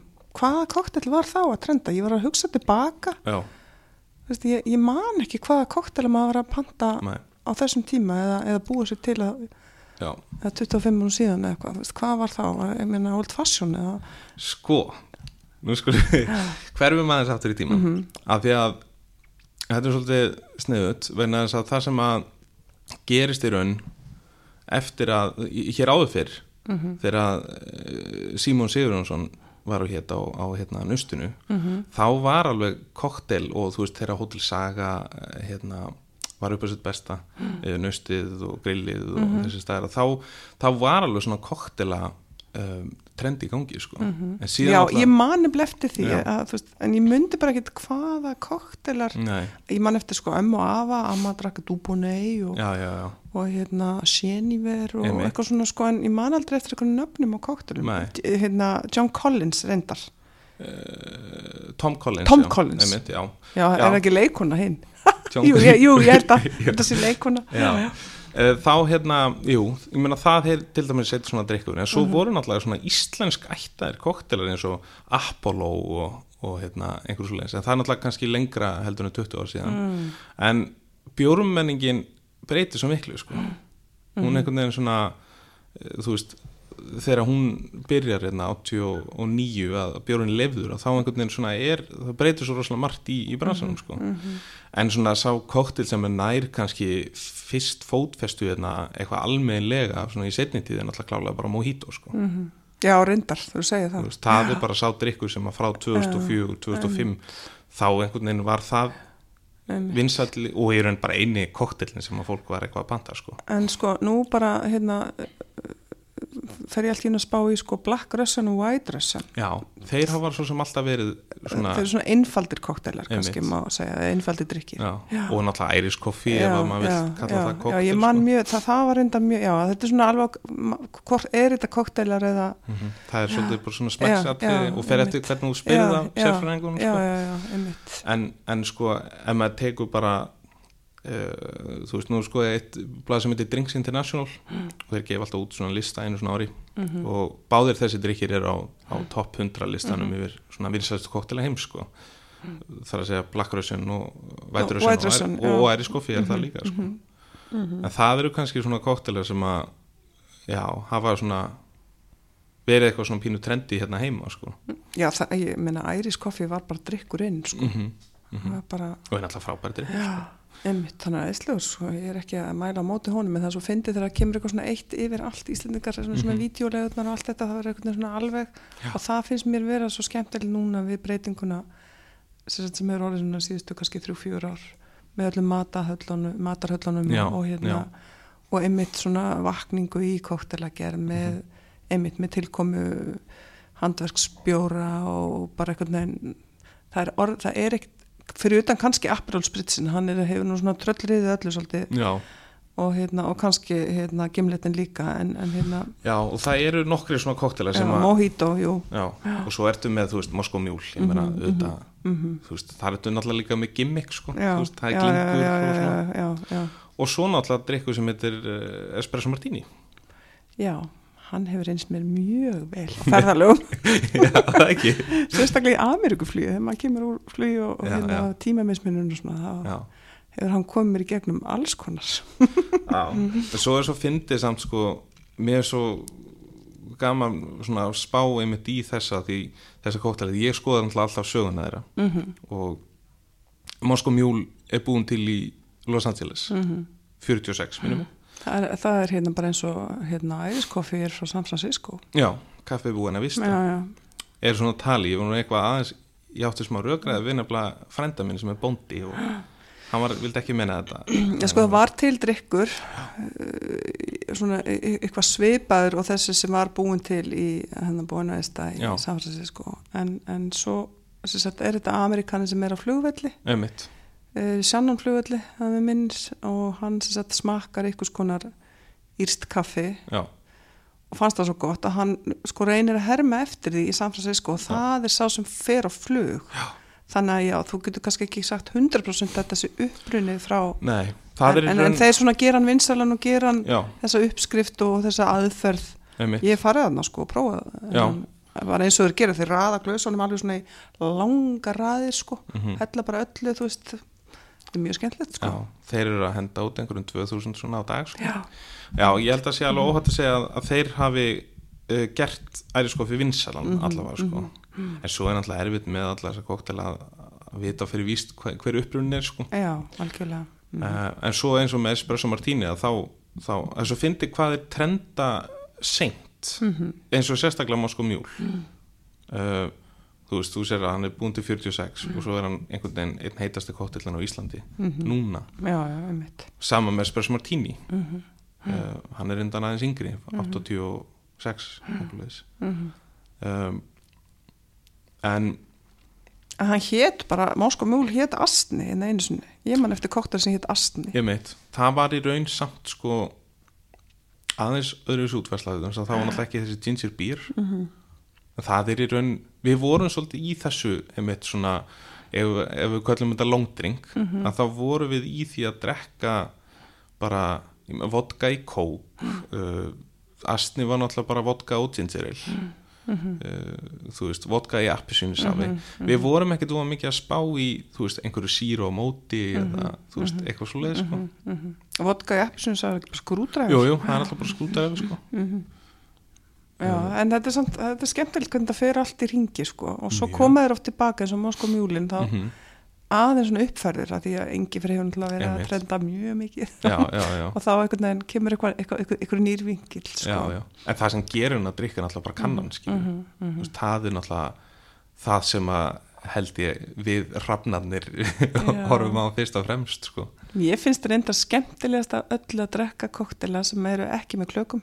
Já, og eru í svona einhverju ofsalega fallegu glasi Já. mér finnst svolítið leiðild að drekka Moskva mjúl ymmit út af þessari könnu sko. Mm og hérna, þú veist skemmtilegasti parturinn á kvöldi þú ert að fara út að borða, þú ert að fara á bar -hmm. áður, flottan hótelbar Já, í fína kjólniðinu með flott töskuna og hérna byrja kvöldi að setjast á já, barinn og fá sér bara kosmopolitan Já, ég var að fara að segja. mér finnst það æði sko það er náttúrulega sádrykkur sem að gerði svolítið já, rutti síðan svolítið brautina fyrir þessa típu sko.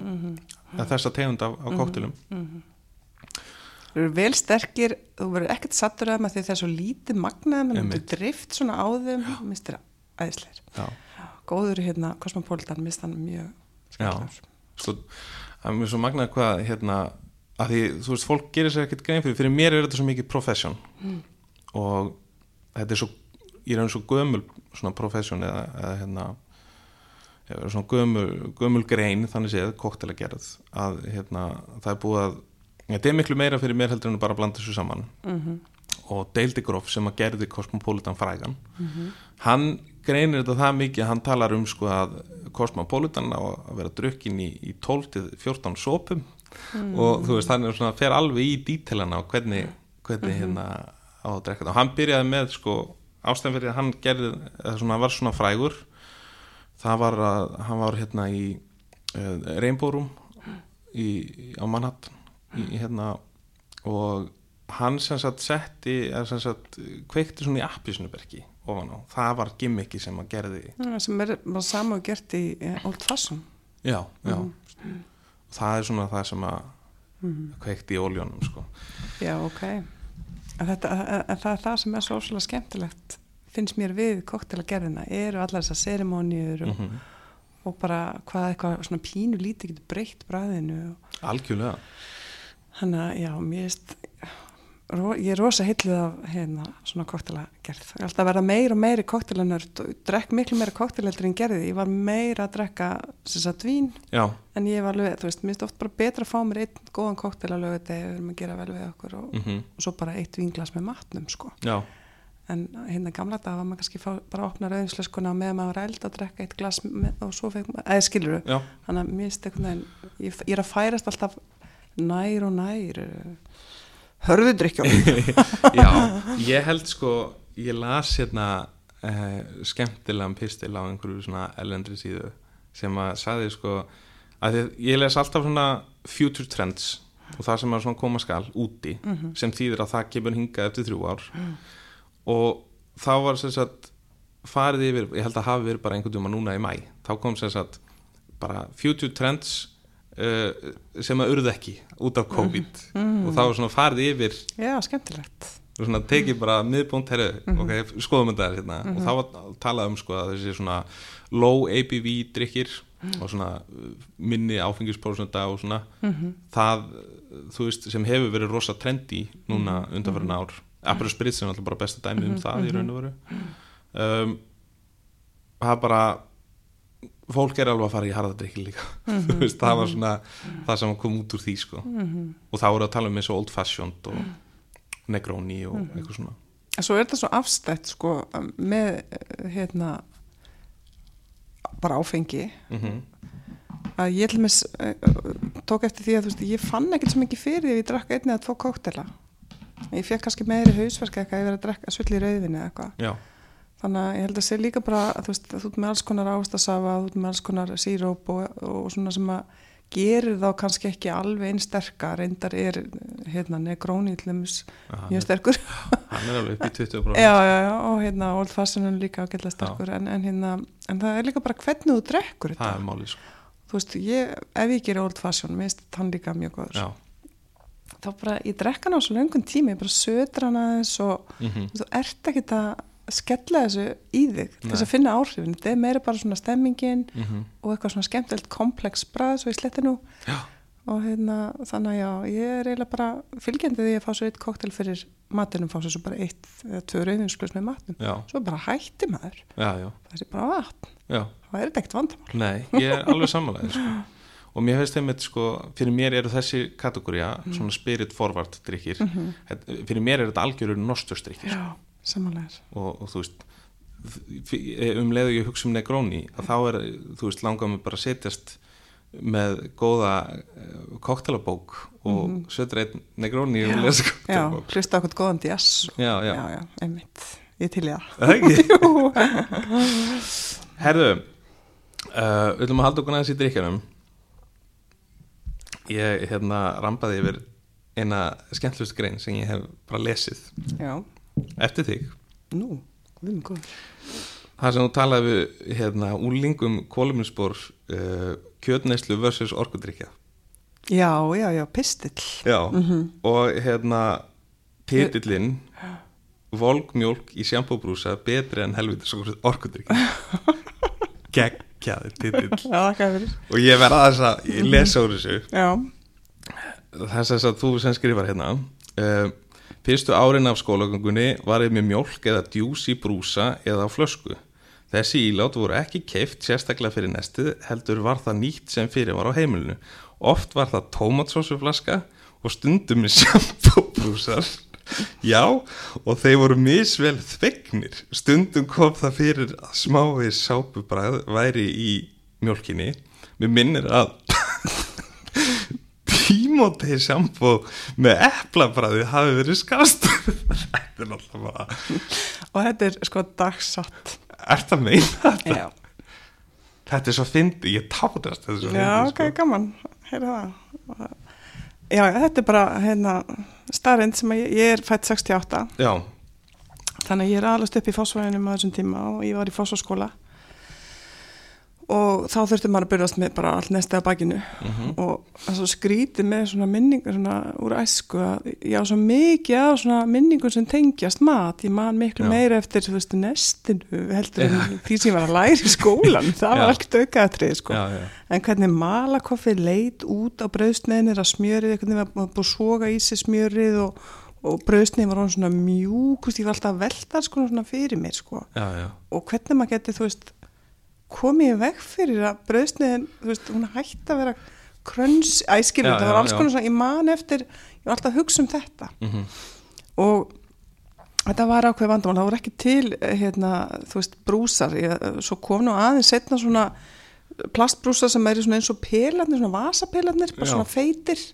Maður voru til í blá og rauðu með hvítum tapp og tappi var svona fastur í svona plasti á. Já, og það var alveg bylting sko, ég tala nú ekki um það þarna en, en maður var stundum bara að redda sér já, já. og það voru þrjú börn á heimilina sem ég ólst upp og mamma og pappi eh, unnu þannig að hérna, þetta kom fyrir og ég ég man sérstaklega eftir þessu tíma til sem bói sko. það var svona hvítum brúsum með grænum stöðum Þannig að, og er, hefur eplabræði verið eitthvað sérstaklega uppaldi eftir það?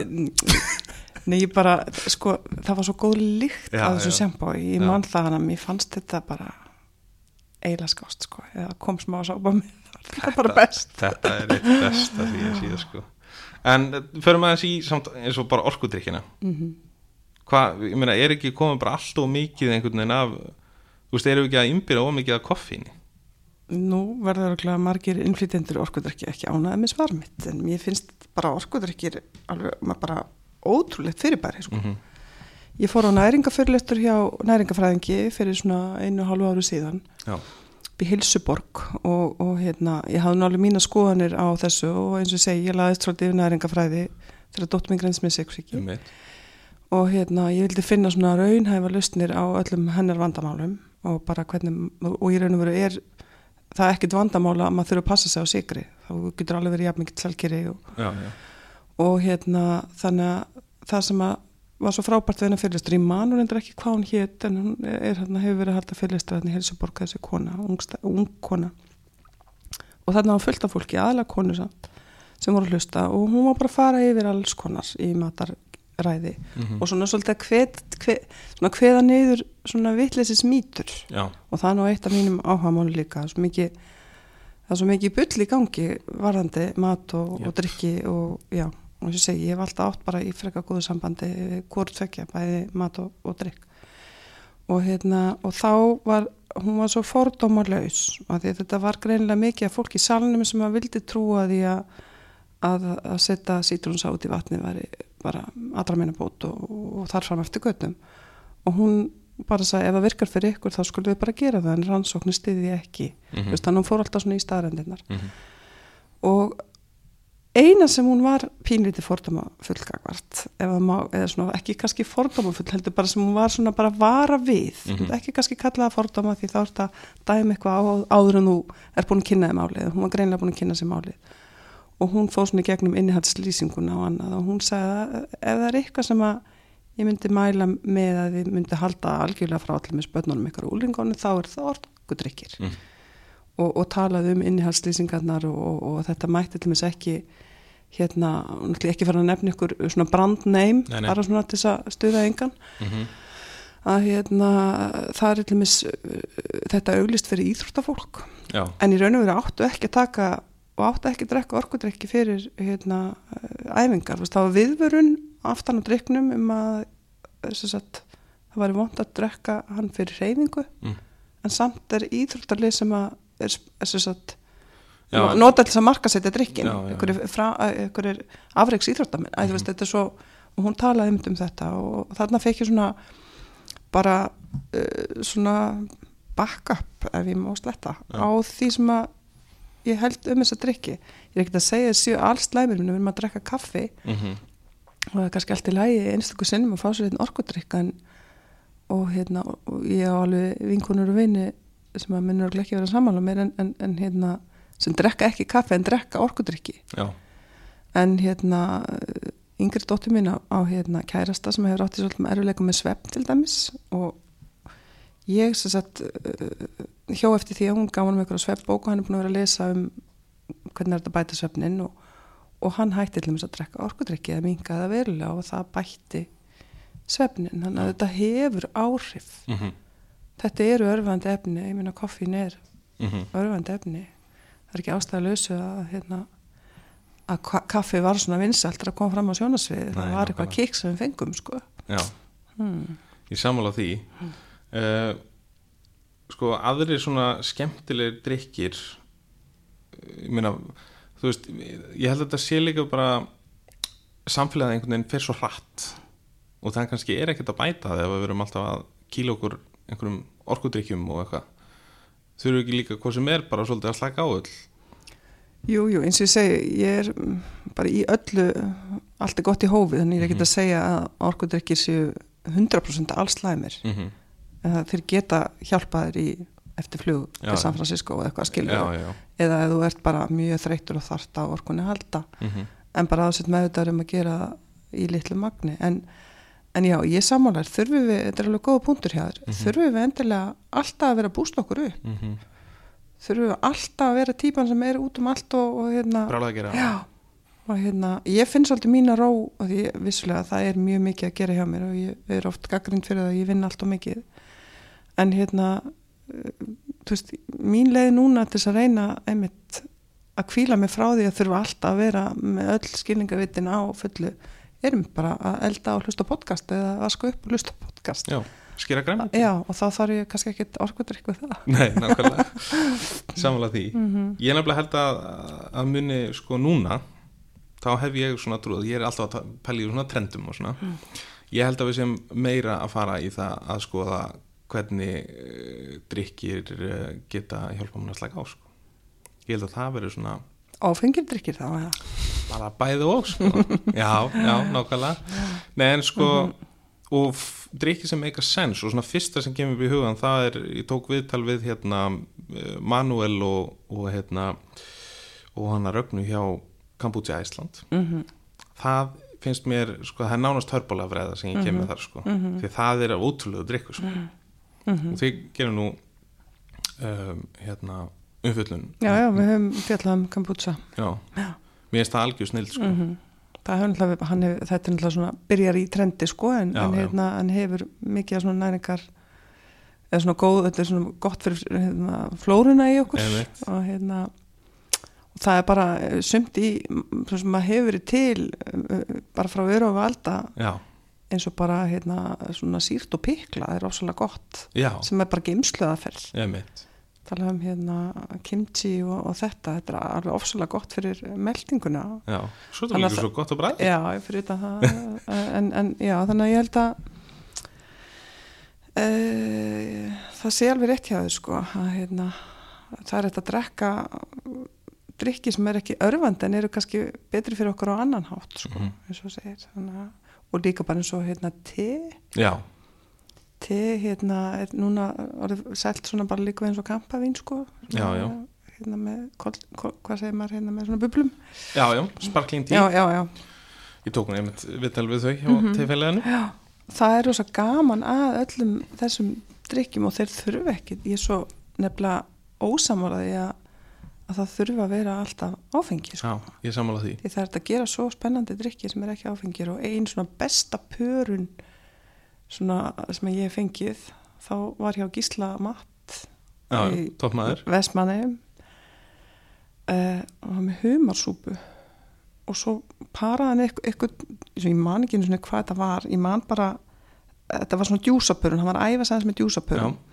og ég var sérst fór hérna til Vestmanni með ljósmyndar þess að taka viðtal við hann og fylgd honum um eiguna að týna hérna í fjörunni og bara ofsalega gaman og, og hérna skemmtileg grein og náttúrulega gaman að taka viðtal við hann og, og hann hann bauð mér út að borða og, og, og, og svona, ég er að prófa hérna djús með hérna humasúpunni og hérna sem segi þannig að ég bara spyrja næði hvað var í þessu og ég bara hefa eiginlega ekki smakkað eins gott saman. Já, já. En ég hafði enga trú að ég bara, ég bara hvítvin með humasúpunni sko. Mhm. bara, já góðan Ég- sanser eða eitthvað já. En, hérna, nei, en þetta var algjörlega störla og það var ekki 1% af áfengi Nei, og svo á ég, yngri dóttur minn svona tók það ákvörðuna að reyna að drekka sem minnst. Og bara allar eiginlega ekkert að hérna, vera í áfenginu já, og svo fyr, fyrst okkur gaman að fara við ferðust mikið saman og okkur fyrst gaman að fara út að borða og fara á barinn og svona. Og það er fyrir miður oft svona ekki nóg vel gert fyrir þá sem að vilja að drekka góða kóktar sem er ekki mhm, áfengir. Sammála því. Ég og oft, mætti gera betur þar. Ég hef oft kallað eftir því sko að, og ég meina, sko talandi um kokteltrend hér voru mannst eftir hérna tröstveikjandi og ókveikjandi og eitthvað svona. Nei, það voru svona óafengi koktelar já, sem að, þú veist tröstveikjandi gott mjög. Uh, hérna, það, það voru svona koktelar en það er eins og, þú veist, út í heimi er búin að vera svakaleg bylting í hérna óafengu Mhm, það talaði um þess að no and low hreyfingu einhvern veginn. Mhm, um, en hér hefur þetta alltaf enginn svo rosalega mikið af sigri sko. mhm, þess að það sem gerist þegar þú tekur út undurstöðu spýran að þá byrjuð til svo mikið tómarum sko. mhm, algjörlega. Þú þarft einhvern veginn að fylla inn í. Mhm, mhm, það vantar svona botn. Og menn hafa bara fyllt það með sigri sko. þannig að ég, ég sem betur fyrir eru margir af mínum kollegum að, að, að svona já, reynir sér áfram að pröfu sér áfram með, með hérna með góða óafengað kóktela Mhm. Þetta var eitt af trendunum 2020 já, alveg klálega manna hérna, ég skrifaði um þetta í, í, í janúarblæðin okkar sko. Einmitt að, að, að svona, og ég hef tekið eftir þessu á mínum ferðalögum. Já, og líka bara mikið af ungu hugsandi fólki sem að þú veist, langar veist, þegar ég var alast upp þá var maður ekki að fara svona mikið út á kaffihús og bari og slis Mhm. uh, ungt fólk í dag það, það gerir það, það Já. hittist meira utan heimilisins og þá viltu bara fá þér eitthvað skemmtilegan, góðan og áhugaverðan drikk en geta kyrt heim eða hjóla heim eða, eða fara á já og þá þarf ekkit vín sko, Nei, nei. eða áfengi og og eins Mhm. líka sko, ég held að stort vandamál hjá okkur sérstaklega liggur í því að og ég get nú sagt til um það að því ég er, er faglæri þjóð Mm. og hérna þetta er ekki til í svona þjónustustíðin okkar Mm.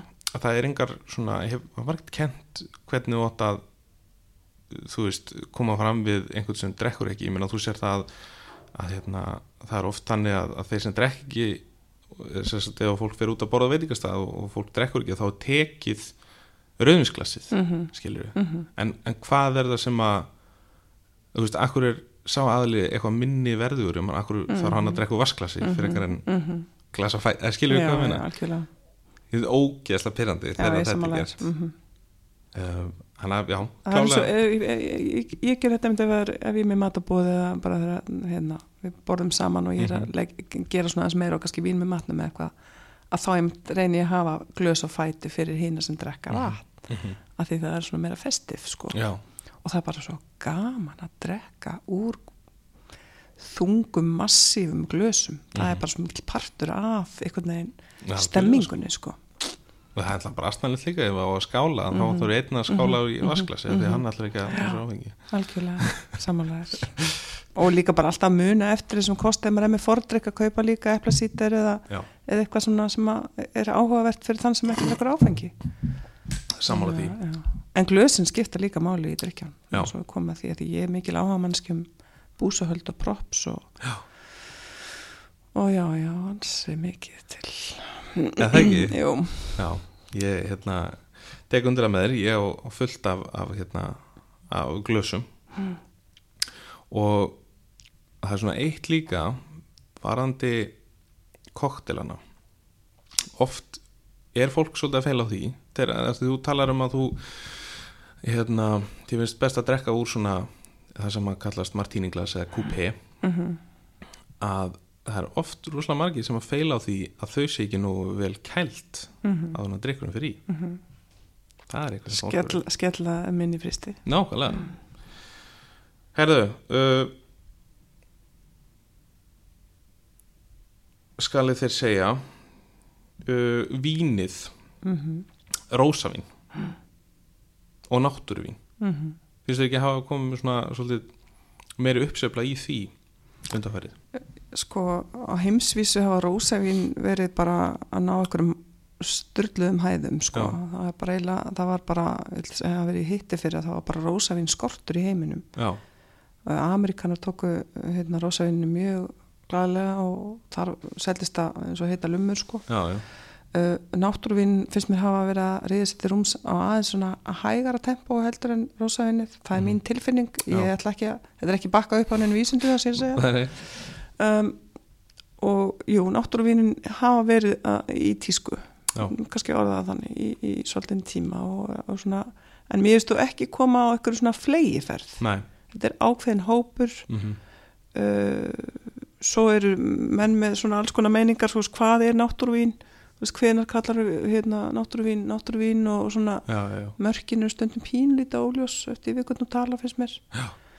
Uh, ég hef smakkað alveg ofsalega góð náttúruvín en ég hef líka smakkað ekkit sérstaklega góð náttúruvín þannig að já og svo eru sömur viðkvæmir fyrir hérna uh, þú veist uh, súlfati og Mhm. og ýmsu í vínum þannig að mér finnst bara eins og ég fagna bara enn og aftur fjölbrytileikanum já, að hérna, það sé til eitthvað fyrir alla. Og mér finnst þessi á- náttúruvína trend mjög áhugaverð já, og skemmtileg sko. Það er komið svona nýja vítir inn í og bara svona áskorun líka að hérna, framlega þessi vín. Já, já.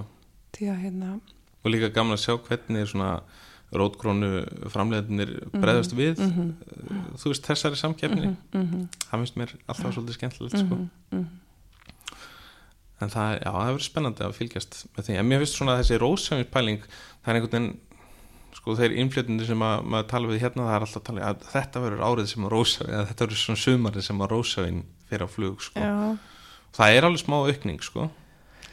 Já, það hefur nú aðeins aukist úrvali líka voru svo vond rósavín til það voru bara ykkur, ykkur nokkra gerðir hérna í den sko. Já, en, og það má það verður nú að koma hérna fram að, að, að, að því að ég nú kannski segi, verið áhámannski vín hér heima í mörg ár.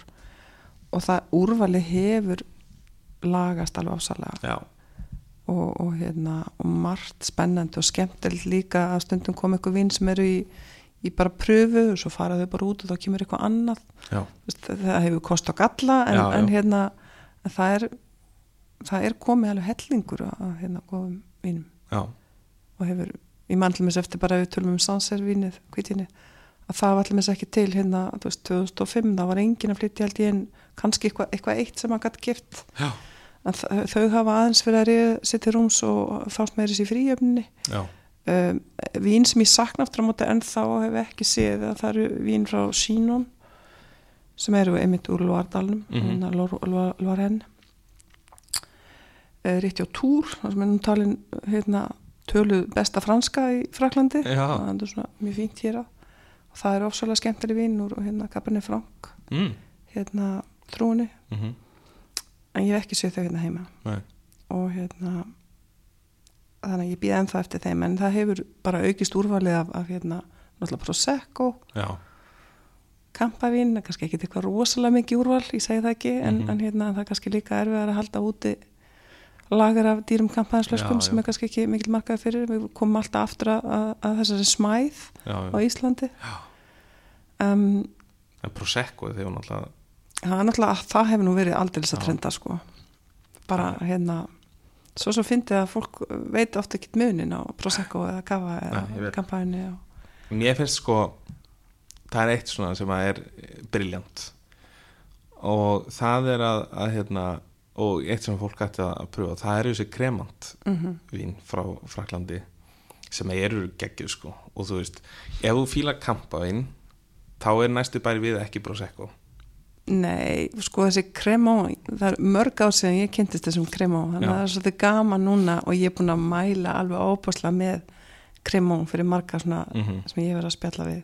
Bara, og ég held að margir sem er að byrja að drekka svona bublur og kampaðin finni kannski ekkit endilega mikinn mun á milli kremó, gó, gó, góður kremó versus kampaðin, þú þarft alveg að þú veist, þetta er ekkit augljóst sko algjörlega sko. Aftur á mótið út með Prosecco kampaðin þá finnur þau greinilegan mun. Já, það er bara allt annað dæmi sko. En hérna þannig að já, ég er búin að íta kremó mjög svona markvist að ekki? í þeim Íslendingum sem þekki í kringum mig og hafa áhuga þessu já, Já. hérna Þetta er líka bara svolítið fyndið hvað einhvern veginn kampæðin stimpillin er oft bara auka tvöðu skall sko.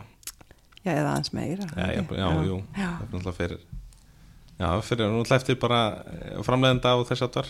En kremón er oft bara, þú veist, í sumum tilfellum bara betri en ódýrustu kampæðin já, sko. en veit uh, vita þeir sem er að hlusta hvað kremó er Já, það er góð spurning. Vilt þú eða ég og ég útskýra það, vilt þú gera það? En þú, í, í þetta. Kremó er sem sagt freyðivín sem er búið til í Fraklandi í öðrum héruðum heldur en kampaðinsýraðinu þannig að uh, hérna, berin vaksa náttúrulega í öðrum jarðvegi en það er sem sagt tvígerjað.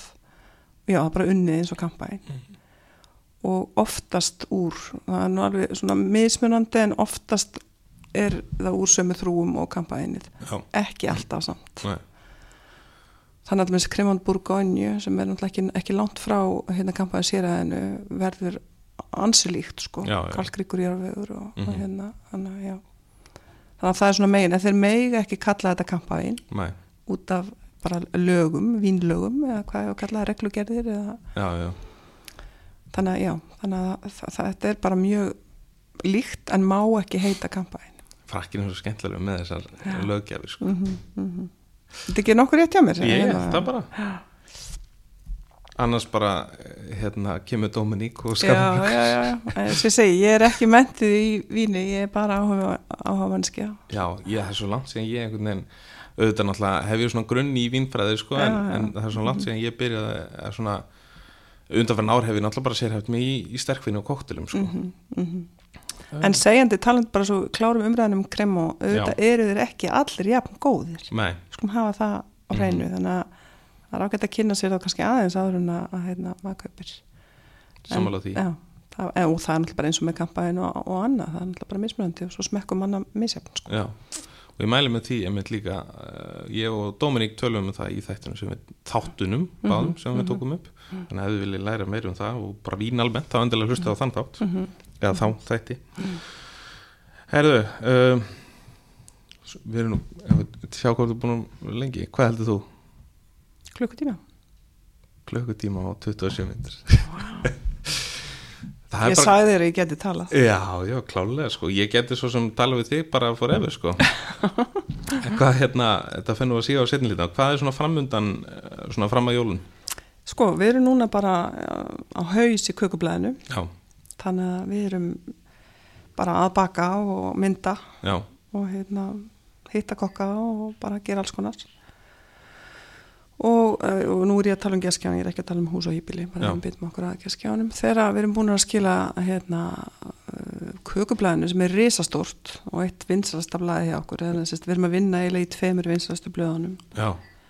Og, og þá kemur jólablæðið já. Og það er líka alltaf risastórt og, og öflugt. Já, og þar verðum við bara með alls konar spennandi fyrir sælkýra sem vilja gera vel við sig á Íslandi um jólin því að líklegast verðum við flest hér já ég á að sé- Íslandi á, á hérna jólunum. Held að sé nokkuð, öljós sko. þannig að það verður, það verður allt hægæld á þannig Já, nákvæmlega.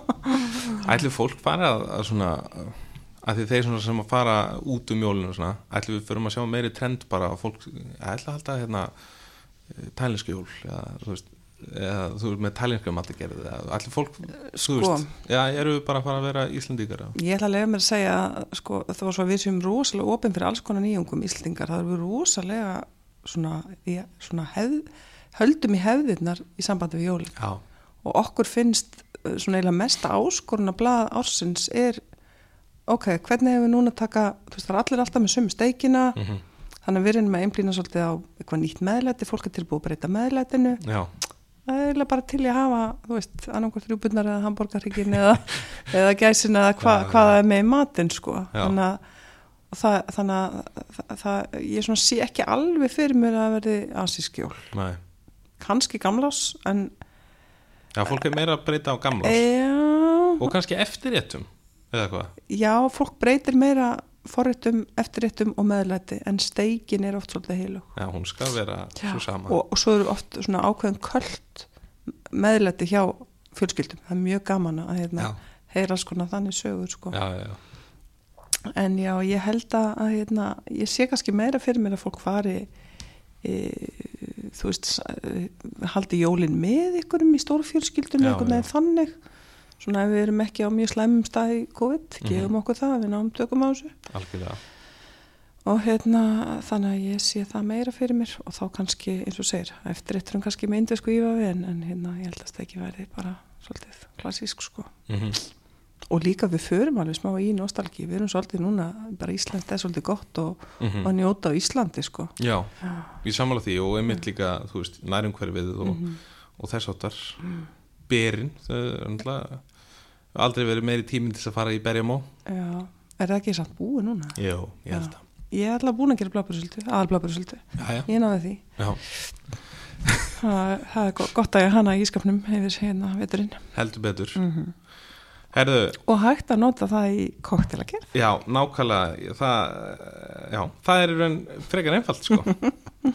Það er bara ein, ein góð skeið og Mhm. sýtum svo á móti og svo bara máttu velja hvað er í Mhm. klaki og hrista. Mm bara komið saman? uppskrift. Já, raun og öru Einmitt. það er skemmtilegt. Já, algjörlega. Herðu, hann á geggjað að tala við þig. Já, sem leðis, bara gaman að fá að vera einnig með þess og hérna, hvetjum fólk til að uh, að kaupa geskjá það, já, það er ekki vera. Og, og langar að bæta við í samtíð það því þú varst að tala á hann um sko uh, geskjafinn, blaði versus netið og þetta Mhm, en mhm, sko já. með því að vera með tímaritt fyrir utan það að bara viðhalda íslenskri menningu. Já, og hérna halda þessari sérstöðu að við missum þetta ekki frá okkur. Þá sko tilfinningin að sitja með blað er bara svona þetta sem við erum búin að vera að tala um að njóta. Mm -hmm. bara eiga svona gæðastund bara með eitthvað eitt tímaritt undir teppi Já. með góðan kaffibólla eða góðan koktel þú veist, eða mm rauðvín eða hvítvín eða þannig að þú veist svona fólk uh, gerir vel við sig þú ert að gera vel við þig þú, ert að hérna uh, svona, já, kvöld með þetta svona gæðastund með tímariti mhm. og það er það sem að geskjáin, hann er bæði gæða tímarit en hann veitir þér líka gæðastund skilur hvað ég á við Samanlega, og þetta líka heyrir alveg undir það sem við vorum að tala um áðan að við svona Já. þurfum að fara Mhm. svona slaka okkur aðeins stundum Já. það rýmar við hérna, að kúpla okkar aðeins út frá samfélagsmiðlunum og netinu Mhm. og fara í einhvern annan heim. Og þetta er líka sko, þú þarft ekki að gera allt í geskjáum, þetta er líka bara ákveðin upplifun. Já, að sitja og flétta hilst eftir blaði mhm. og þú fær svona notalega tilfinningu. Og fræðast, ég held að þetta sé svolítið tími fræðislunar Mhm. núna. Mm Já, og bara lesa texta af, af, af hérna, brendi sko. Þetta er bara, þetta er annað form Eh, tímariti mun ekki íta netinu í burtu og en ég ætla líka að vona að netið íta ekki tímaritinu alveg í burtu því þá fer líka fullt af efni af netinu. Já, af því að svo mikið af góðu efni á netinu er upphaflega búið til fyrir tímaritt já, því það er bara annað koncept sem er í gangi þar. Sammála því. Já. Herðu, þá ætlum við að slá uh, botnin í þetta uh, enn og aftur. Gaman að tala við þig og aldrei að vita nema að við tökum bara einhvern þátt einhvern að setna Já, tökum eitthvað ákveð þema það er skemmtilegt, alltaf til eitthvað gott spjall. algjörlega. Herðu, takk kella fyrir komuna í Happy Hour. Já, takk fyrir að leiða mér um þetta. Þar að við það, kæru hlustundur, nú hvet ég eh, ykkur öll til að ná ykkur í geskjá við fyrsta tækjafæri og gef ykkur smá stund til að fræðast um mat, vín og eh, menningu. Virkilega flott starf sem hanna og hennar fólk er að eh, gera hjá geskjáunum og fáum við sælkjæratnir að njóta. En ef þið fannst þessi þáttur skemmtilegur þá eh, ekki hika við að smetla á subscribe til að fá tilkynningu næst þegar eh, nýr þáttur af eh, Happy Hour fer í loftið. Ef þú hefur áhuga á að fræðast meira um vegar í fljótandi formi þá uh, mæli ég með því að þú kíkir inn á heimasíðuna weisman.is eins og ég sagði í byrjun en þar má uh, finna ítalega grein um þennan þátt á samt öðrum skemmtilegum fróðleik og uppskriftum af uh, koktelum sem þú getur dilt með öðrum áhugasum vinnuðinum. Nú minni á að Happy Hour uh, er að finna á Instagram. Og við skrifum Happy Hour Weisman og ekki gleyma að skrá okkur í Facebook-grúpuna til að uh, stinga upp á viðmælatum með öðru sem þið vilja heyra í Happy Hour. Væsmann er auðvitað bæðið á Instagram og Facebook eða vilju fylgja mér persónulega. Svo hvetið þið til að hlusta á hina þættina í Happy Hour ef þú ert ekki þegar búin að því þar að segja ekki hika við að deila þáttunum með þeim sem kunna hafa áhuga þannig ekst hlustun og þannig getur Happy Hour haldið áfram að færa ykkur fróðleikum vegar í fljótandi formi. Að lókum minni ykkur á að drekka til að njóta ekki til að gleyma. Takk fyrir að hlusta þanga til næst. Væsmenn átt